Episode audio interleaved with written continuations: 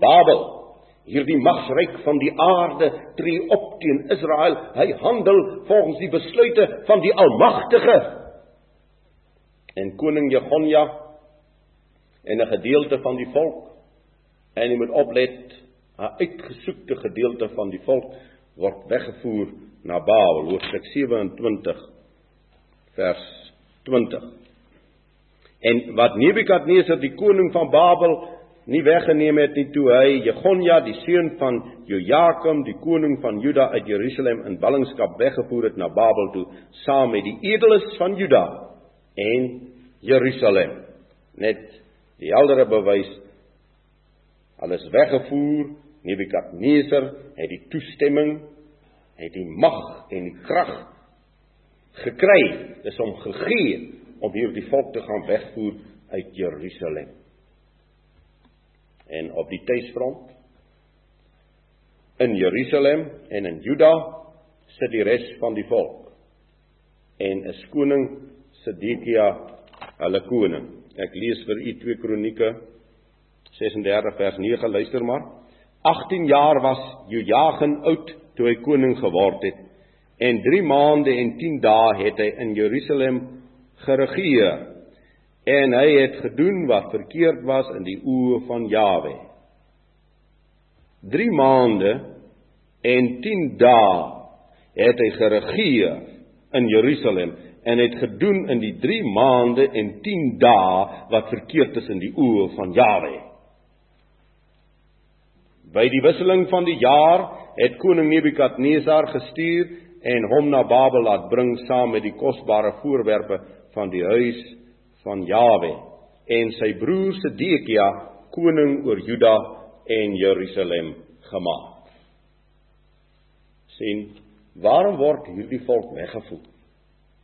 Waarom straf Jawe hierdie volk van hom?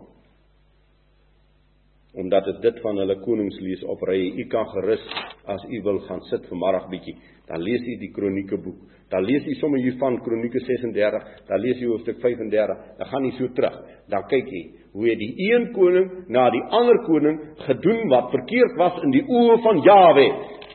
En in navolging van die koning en van die verdwaalde klop profete en priesters van die volk, het die volk agterna gedoen wat verkeerd was in die oë van Jawe Almagtig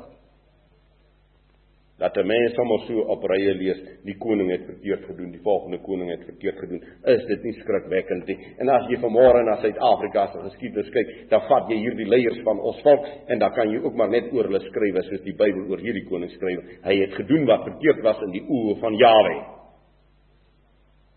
Geen leier, geen blanke leier wat sy hand uitsteek na heidene kan vir my kom vertel hy doen nie wat verkeerd is in die oë van Jawe nie. Natuurlik doen hy wat verkeerd is in die oë van U en my Vader. En met hierdie toestand van 'n verdeelde volk kan ons ons vanmôre voorstel wat was die daaglikse gesprek en wat was die daaglikse reaksies. Hoeveel uitsprake is daar in Suid-Afrika in die tyd wat ons leef? Wat sê mense nie net alles nie? Wat praat hulle nie net alles nie? En wat sê Jawe? Vra hierdie volk. Vra hierdie volk wat sê Jawe? Nee.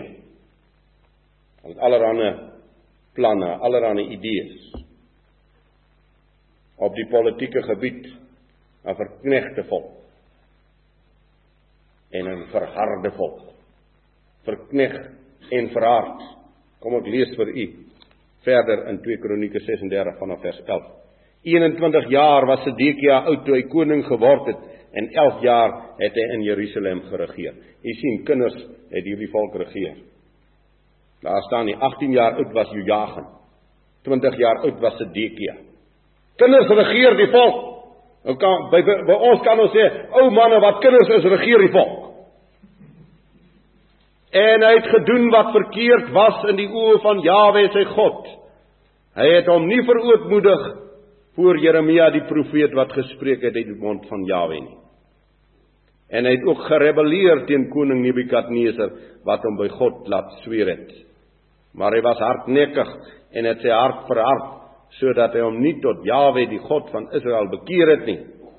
Ook al die owerstes van die priesters en die volk het baie ontrou gehandel volgens al die gruwels van die heidene en die huis van Jawe wat hy in Jerusalem geheilig het verontreinig.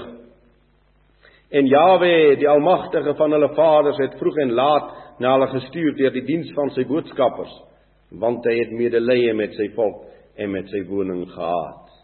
Maar hulle het die boodskappers van Jawe uitgelag en sy woorde verag en met sy profete gespot totdat die grimmigheid van Jawe teen sy volk opgekom het tot daar geen genesing meer was nie totdat daar geen genesing meer was nie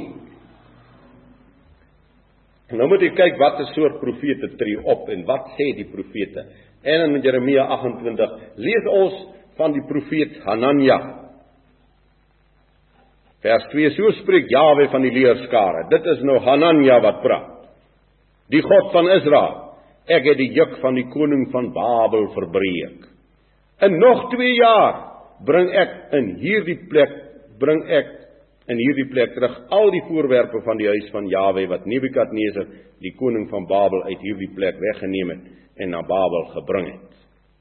Ook Jegonja die seun van Jojakim, die koning van Juda en al die ballinge van Juda wat na Babel gegaan het, bring ek in hierdie plek terug, spreek Jawe want ek sal die juk van die koning van Babel verbreek.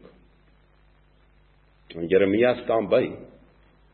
Jeremia hoor hierdie woorde en dan kan jy verder gaan lees en sê Jeremia ag mag dit tog so wees soos jy sê.